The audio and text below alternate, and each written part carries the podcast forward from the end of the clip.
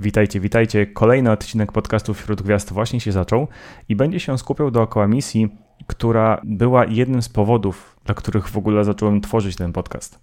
Mówię tutaj o Apollo 13 i w tym przypadku ta trzynastka, ta pechowa trzynastka pokazała swoje pełne spektrum pechowości, ponieważ misja miała być trzecią załogową misją księżycową. E, astronauci mieli wylądować w okolicach krateru Fra Mauro, ale w wyniku pewnych zaniedbań, przeoczeń, niedopatrzeń e, i zwykłego zbiegu, zbiegu okoliczności skończyła jako misja, której jedynym celem było bezpieczne sprowadzenie trzech astronautów na Ziemię. Launch control, this is Houston. We are go for launch. Three, two, one. Liftoff. We have a liftoff. Capcom, we're go for landing. Tranquility Base here. The Eagle has landed. Misja ta w zasadzie od samego początku w ogóle nie miała szczęścia. Kongres zaczął zwracać uwagę na to, jak ogromny wir w budżecie federalnym powoduje program Apollo i zaczęły się cięcia, e, co spowodowało anulowanie ostatniej misji w całym programie, czyli Apollo 20. NASA z kolei, chcąc jak najbardziej rozciągnąć w czasie cały program, żeby zachować miejsca pracy, e, zdążyć uruchomić inne programy, na które można by było przenieść e, tych pracowników, zdecydowała o przesunięciu naszej misji Apollo 13 co prawda o jeden miesiąc, bo z 12 marca 1970 roku na 11 kwietnia tego samego roku i fakt, jest to dosyć niewielka zmiana, ale była zwiastunem pewnych nadchodzących zmian. Wspomniana wcześniej przeze mnie pechowość tej misji objawiała się na wielu różnych płaszczyznach i każdą z nich będę sukcesywnie odkrywał razem z, z tym materiałem. Jako pierwszą wezmę na warsztat załogę. Były tam znaczne i nagłe zmiany w obsadzeniu ludzi na konkretnych stanowiskach. W głównej tej pierwotnej załodze był Jim Lovell jako dowódca e, całej misji i tego 42-letniego weterana lotów kosmicznych kojarzymy chociażby z Apollo 8, gdzie jako pierwszy człowiek na, na, w historii zrobił okrążenie dookoła Księżyca. Fred W. Hayes Jr. jako pilot modułu e, księżycowego oraz pechowy Thomas Kenneth Mattingly jako pilot modułu dowodzenia. Dlaczego pechowy? Ten człowiek, ten członek załogi jako jedyny nie przechodził nigdy różyczki, więc miał wykształcenie na nią odporności. I możecie się zastanawiać, dlaczego teraz mówię o tak losowym fakcie. No wiadomo, to nie jest losowy fakt, ma duże znaczenie w naszej opowieści. E, mianowicie na 7 dni przed planowanym odlotem pilot modułu księżycowego Duke Charles zachorował na różyczkę i przez to, że załoga pierwotna, załoga główna i załoga zapasowa bardzo dużo ze sobą spędzają czasu na treningach, wykładach, ćwiczeniach itd., tak e, doszło do prawdopodobnego przekazania tej choroby właśnie na Mattingleya, który, jak wspomniałem wcześniej, nie miał wykształcenia tej odporności na różyczkę, więc NASA w tej sytuacji, nie chcąc ryzykować w ogóle mm, wysyłania członka załogi, który potencjalnie mógłby rozwinąć w pełni chorobę, będąc na orbicie dookoła Księżyca, stwierdziła, że wyklucza zupełnie Mattingleya z, y, z programu, z misji. Procedury mówiły o tym, że jeżeli jeden z członków załogi nie będzie w stanie realizować misji, wtedy podmienia się całą załogę, czyli w tym momencie cała główna załoga idzie, że tak powiem, w odstawkę i na ich miejsce wskakuje załoga zapasowa, tylko, że w tej sytuacji nie można było tego zrealizować, dlatego że w załodze zapasowej też była osoba, która nie była w stanie realizować emisji. Dlatego zdecydowano się na taki wyjątkowy przypadek, w którym podmieniono po prostu jedną osobę e, z załogi zapasowej i tym sposobem pilotem modułu dowodzenia został John L. Jack Swikart Jr. Zamiana ta nastąpiła na dwa dni przed planowanym lotem. Ostatecznie pan Mattingly różyczki nigdy nie wykształcił i miał możliwość polecieć na Księżyc w Apollo 16. Nie można zapominać o tym, że w, w programie Apollo wyjątkowo został też wprowadzony trzeci zestaw załogi, tak zwana załoga wspierająca, jednak w ich przypadku oni byli zbyt słabo wyszkoleni, e, żeby na tak krótko przed lotem wskoczyć w kombinezony, wsiąść do rakiety i polecieć na Księżyc. Dla panów pilotów, czyli dla pana Heisa i Schweikarta, to był pierwszy lot w kosmos. I oczywiście to nie oznacza, że nie byli przygotowani do tej misji, bo NASA zadbała o to, żeby byli tak dobrze wyszkoleni, jak to jest tylko możliwe. Na każdą godzinę misji poświęcali około 5 godzin mm, treningów, czyli to daje łącznie ponad 1000 godzin treningów, czyli 40 dni treningu non-stop. Trening polegał na przechodzeniu przez różnego rodzaju scenariusze mm, w symulatorze, również te e, awaryjne, a także na treningach terenowych w pełnym rynsztunku, e, gdzie ćwiczyli pobieranie próbek księżycowych, e, rozstawianie sprzętu naukowego, czy chociażby rozkładanie flagi, które było dosyć problematyczne dla poprzednich e, załóg. Razem z załogą do misji przygotowywała się też NASA, ponieważ mając doświadczenie w postaci dwóch poprzednich misji księżycowych, wysnuli pewne wnioski e, i wprowadzili pewne ulepszenia do mm, ogólnie różnych aspektów misji, które przyczynią się do zwiększenia jakby jakości całej misji, zarówno pod tym względem technicznym, technologicznym, jak i naukowym, czy zwykłego bezpieczeństwa. Jak dobrze pamiętacie, lądowanie Apollo 11 było stresujące dla wszystkich, zarówno astronautów, jak i e, kontrolerów w centrum kontroli lotów, bo Neil Armstrong posadził lądownik księżycowy mając w zbiornikach paliwa marginalną ilość paliwa. NASA, chcąc uniknąć następnych takich sytuacji, przeprojektowała w ogóle cały proces podchodzenia do lądowania. Wcześniej wyglądało to w taki sposób, że lądownik odłączał się od modułu załogowo-serwisowego na wysokiej orbicie, wysokoenergetycznej orbicie nad mm, powierzchnią Księżyca, czyli miał bardzo dużą prędkość i korzystając ze swojego silnika, dużą część paliwa wykorzystywał na zmniejszenie tej prędkości i później do samego lądowania. Nowa wersja schodzenia, podchodzenia do lądowania i samego lądowania wygląda, miałaby wyglądać w ten sposób, że cały zespół pojazdów by zszedł na niższą orbitę, wykorzystując dużo mocniejszy silnik y, modułu serwisowo-załogowego i już na dużo niższej orbicie, czyli mając dużo niższą prędkość, lądownik odłączałby się od tego zespołu i mając na swoim pokładzie dużo większe zapasy paliwa, mógłby na spokojnie zawisnąć nad powierzchnią Księżyca, poszukać dużo wygodniejszego, bezpieczniejszego, lepszego miejsca do lądowania e, na Księżycu i wtedy dopiero wylądować. Zmiany dotknęły również samych kombinezonów astronautów. W Apollo 11 i 12 e, kiedy pracownicy NASA przeglądali mm, materiały z powierzchni Księżyca, ciężko było zidentyfikować, który astronauta w danym momencie robi daną czynność, uwieczniał na filmie czy na fotografii, ponieważ obaj wyglądali tak samo. W Apollo 13 wprowadzili taką zmianę, że e, kombinezon dowódcy misji, w naszym przypadku Jamesa Lovella, miał na swoim hełmie, ramionach i nogach e, czerwone pasy, które miałyby go odróżnić od Hayesa. I to jest zabawne, bo w sumie zasada ta, ta tej identyfikacji kolorów istnieje do dzisiaj i na przykład jak są spacery kosmiczne dookoła ISS, to każdy z astronautów ma swój kolor kombinezonu, żeby można było sprawdzić, która astronauta co robi.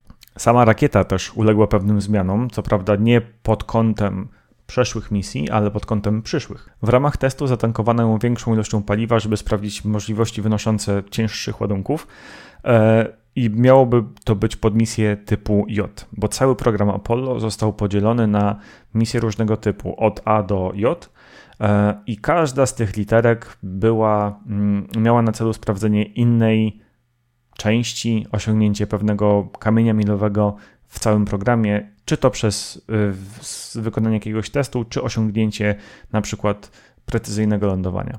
Misje typu J to były misje od Apollo 15 do 17.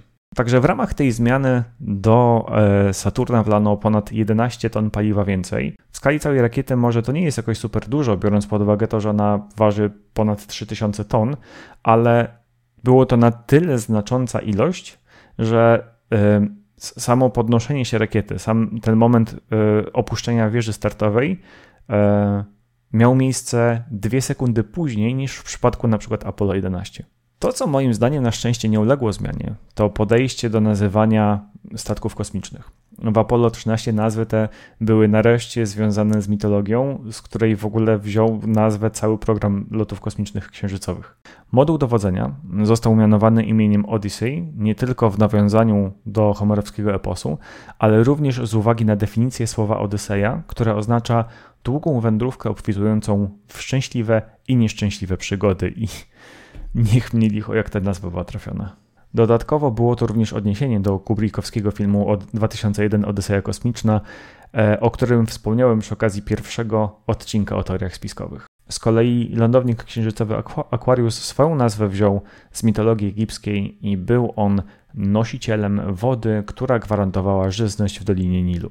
Mitologia w ogóle znalazła też swoje odniesienie w insygniach misji. Nie insygniach śmierci, insygniach misji. Widać na niej e, greckiego boga Apollo w swoim rydwanie, który był ciągnięty przez trzy e, konie w stronę księżyca z ziemią majoczącą w tle.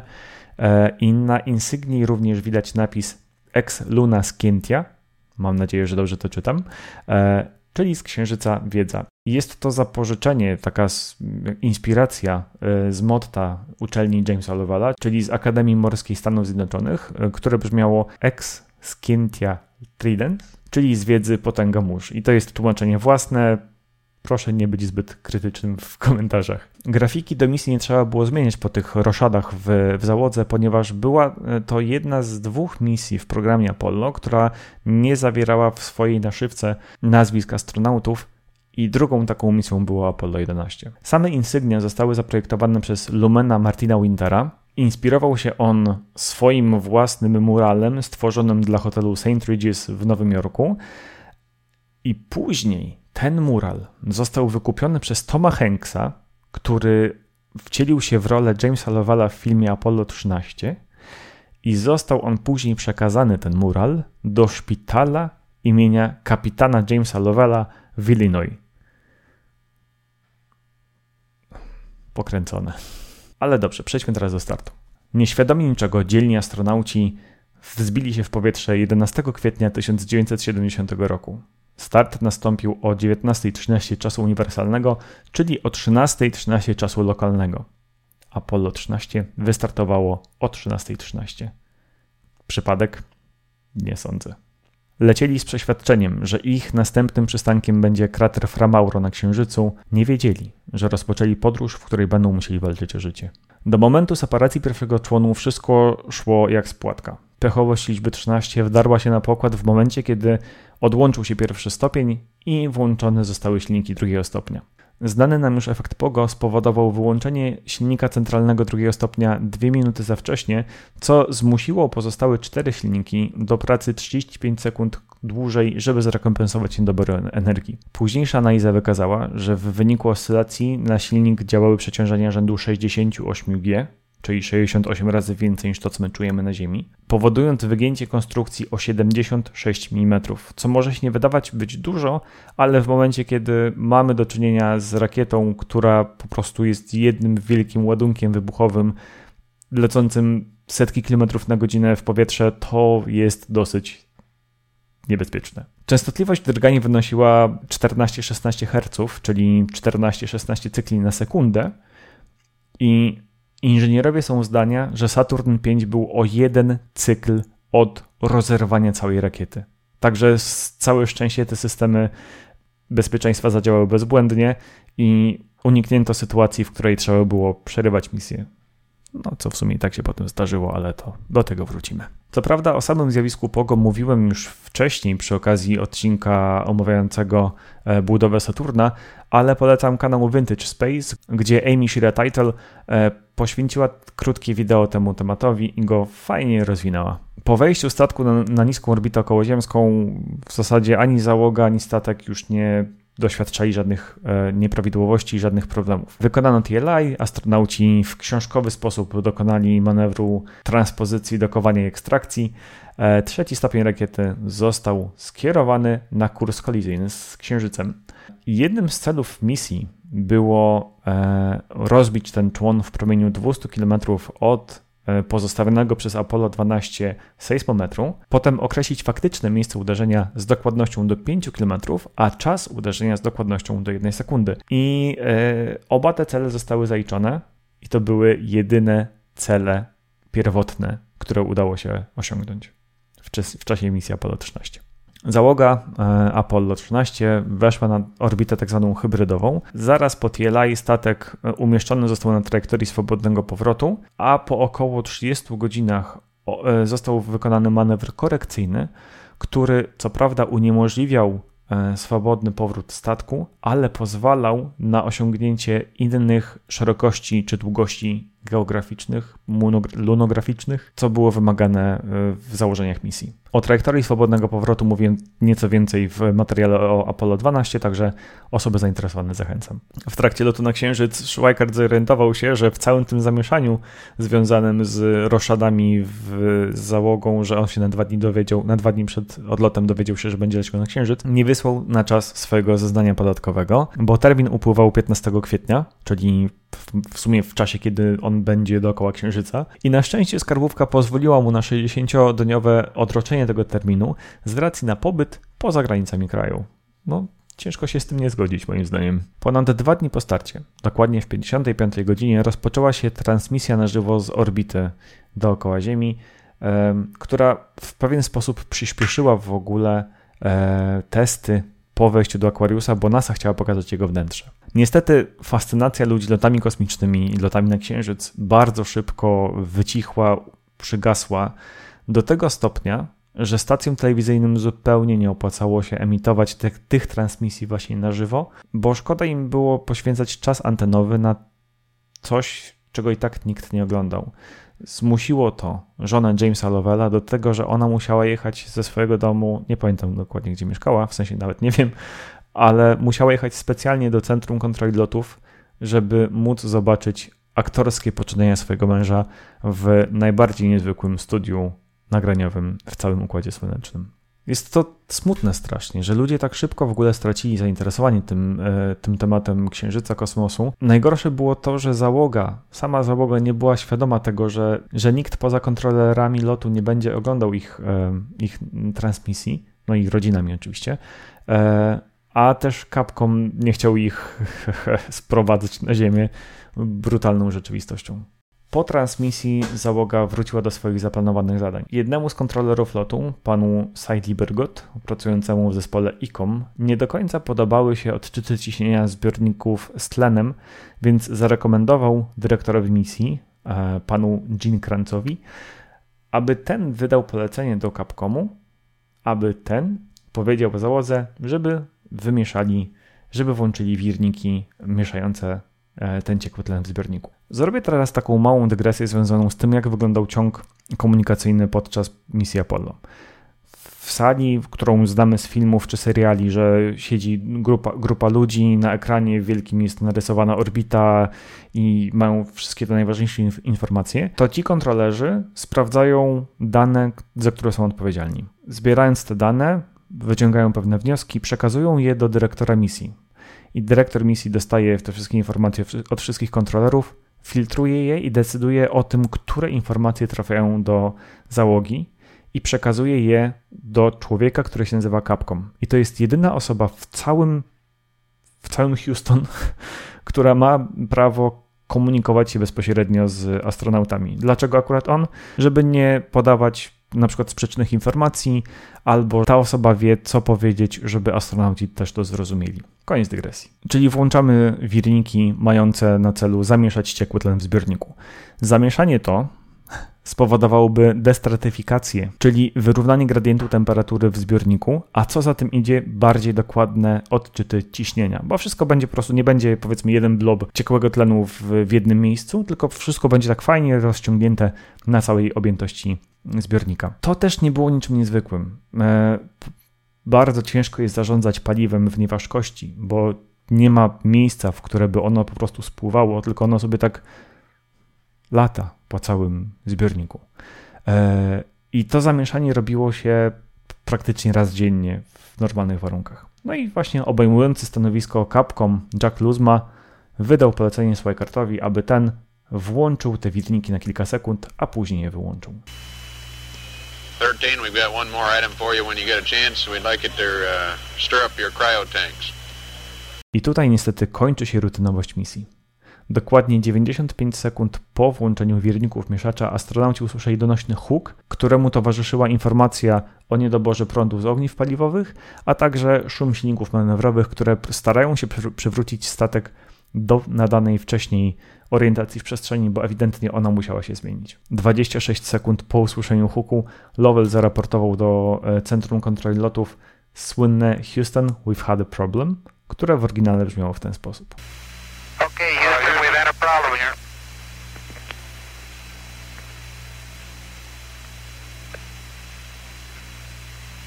This is Houston. Say again, please. Yes, sir. Uh, Houston, we've had a problem. We've had a main B bus undervolt. Roger, main B undervolt. I tutaj mała ciekawostka, bo na potrzeby Hollywood e, Tom Hanks, wcielający się, jak wcześniej powiedziałem, w rolę Lovella, powiedział Houston, we've got a problem, czyli Houston, mamy problem, a Lovell mówi Houston, we've had a problem, czyli mieliśmy problem. Podobno scenarzyści celowo zmienili tę linijkę po to, żeby dodać więcej dramatyzmu e, do tej sceny i żeby to się po prostu lepiej oglądało. Przez głowę astronautów przeleciało milion myśli, które mogły spowodować takie zachowanie statku, ale żaden z tych powodów nie tłumaczył wszystkich objawów. Lovell początkowo pomyślał, że ten huk to mógł być hałas spowodowany otwarciem e, zaworu wyrównującego ciśnienia między Aquariusem a Odyssey, co Hayes robił często e, na pokładzie, żeby ich wkręcić, żeby ich sprankować, ale biorąc pod uwagę to, że Hayes był tak samo zaskoczony tą całą sytuacją jak, jak reszta załogi, stwierdził, że to jednak nie jest jeden z tych, z tych przypadków. Swikart z kolei pomyślał, że być może w Lem, czy w sensie w Aquarius, uderzył e, meteoroid, co by tłumaczyło zmianę położenia, ale niekoniecznie już e, wahania mocy. Dodatkowo też nie było nigdzie żadnego wycieku powietrza, więc to chyba też nie było, nie było to. Main Bus B Undervolt, o którym mówił Lovell e, w raporcie do e, Centrum Kontroli Lotów, oznaczało, że jest jakiś duży problem z zasilaniem statku. Hayes też potwierdził, że e, dwa z trzech ogniw paliwowych są niesprawne, co też widzieli kontrolerzy w Houston. Zdawało im się jednak, że to może być jakiś problem z odczytem z instrumentów, bo takie sytuacje też się zdarzały często w ogóle w Apollo, w, w lotach Apollo, nawet podczas tej misji.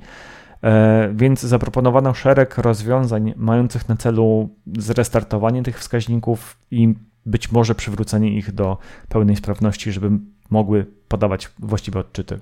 Na głównych konsolach statku rozświetlił się master alarm z informacją, że komputer nawigacyjny statku został zrestartowany, czyli w tym momencie w zasadzie statek leciał, ale nie do końca wiedział gdzie i jak. Wskaźniki związane ze zbiornikami HELO, czyli gazem, który był wykorzystywany do silników korekcyjnych, również informowały o jakimś problemie, jednak one działały w systemie zero-jedynkowym. Albo wszystko jest git, albo jest jakiś problem. I, i tutaj właśnie po, po, pokazywało, że jest problem. Problem jeden z wielu. Tych problemów było multum i nie było możliwości pogodzić ich wszystkich. Na chwilę obecną załoga i Centrum Kontroli Lotów miało jeden główny cel przywrócić zasilanie statku. W tym całym zamieszaniu nikt nie zauważył, nie zwrócił uwagi na to, co się dzieje ze zbiornikami tlenu. Około 12 minut po wybuchu Hayes został poproszony o odczyt właśnie tej wartości i okazało się, że zbiornik numer 2 pokazuje ilość tlenu równą 0, a zbiornik numer 1 ma jeszcze tlen, ale jego stan spada dość jednostajnie i zdecydowanie za szybko jak na zapotrzebowanie, które miał ten statek. Centrum Kontroli Lotów znów chciało to wszystko zwalić na problem z instrumentami pomiarowymi yy, i że wszystko jest tak naprawdę w porządku. Chyba mam takie poczucie, że nie do końca byli w stanie uwierzyć, czy jakby przyznać przed samym sobą, jak poważna i krytyczna w sumie jest ta sytuacja ale jednak z błędu wyprowadził ich James Lovell, który powiedział, że mm, patrzy przez okno numer jeden kapsuły i widzi, że w przestrzeń kosmiczną uwalniany jest jakiś gaz i w ogóle jest mnóstwo odłamków. Yeah, that's, that's good that you see. And it looks to me, looking out the uh, hatch, that we are venting something. We are, uh, we are venting something out uh, into the uh, into space. Roger, we copy your venting.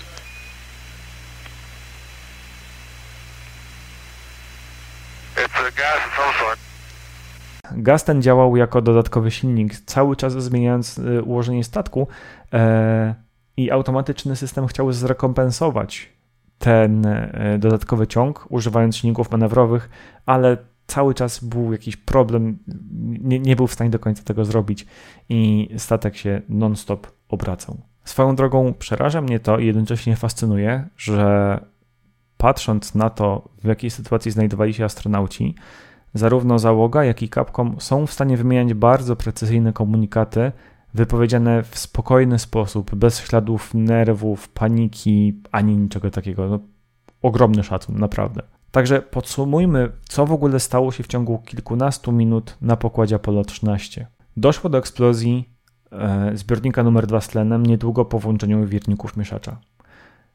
W wyniku eksplozji zostało uszkodzone poszycie statku e, oraz zbiornik z tlenu numer 1, który uwalniał cały czas ten tlen w przestrzeń kosmiczną.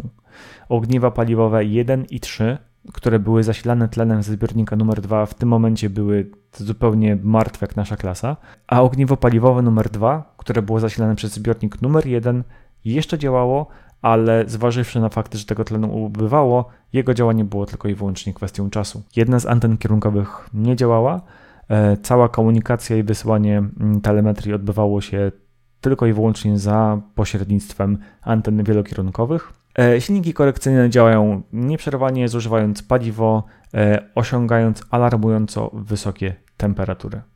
Sytuacja była, delikatnie mówiąc, przejebana.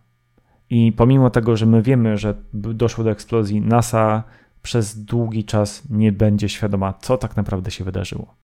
Patrząc na tę listę, nie trzeba zaglądać, czy nawet sięgać po listę z procedurami, żeby wiedzieć, że lądowania na Księżycu nie będzie, a główny cel misji uległ zmianie. Od teraz głównym i jedynym priorytetem jest utrzymać załogę przy życiu do momentu wylądowania kapsuły na mm, Ziemi, a to wcale nie będzie takie proste. I tymi słowami kończę pierwszą część materiału o Apollo 13, dlatego że w dalszej części misji dzieje się tak dużo, że ten odcinek by trwał pewnie z półtorej godziny, na co was nie chcę skazywać. E, myślę, że taki podział na dwie części będzie bardziej zjadliwy. I w następnej części skupimy się na tym, jak dokładnie NASA doszła do tego, co się stało, e, w jaki sposób znaleźli obejście na e, sytuację z brakiem tlenu, brakiem generowania prądu i jaki związek z tym wszystkim miał Jack Black. Także dziękuję za Waszą obecność dzisiaj. E, mam nadzieję, że Wam się podobało. Zachęcam do zostawienia komentarza z feedbackiem, z pytaniami, sugestiami. Wszystko zawsze czytam bardzo dokładnie. Także ja się teraz odmeldowuję. Mówię do Was Maciek, to jest podcast Wśród Gwiazd. Do usłyszenia, cześć!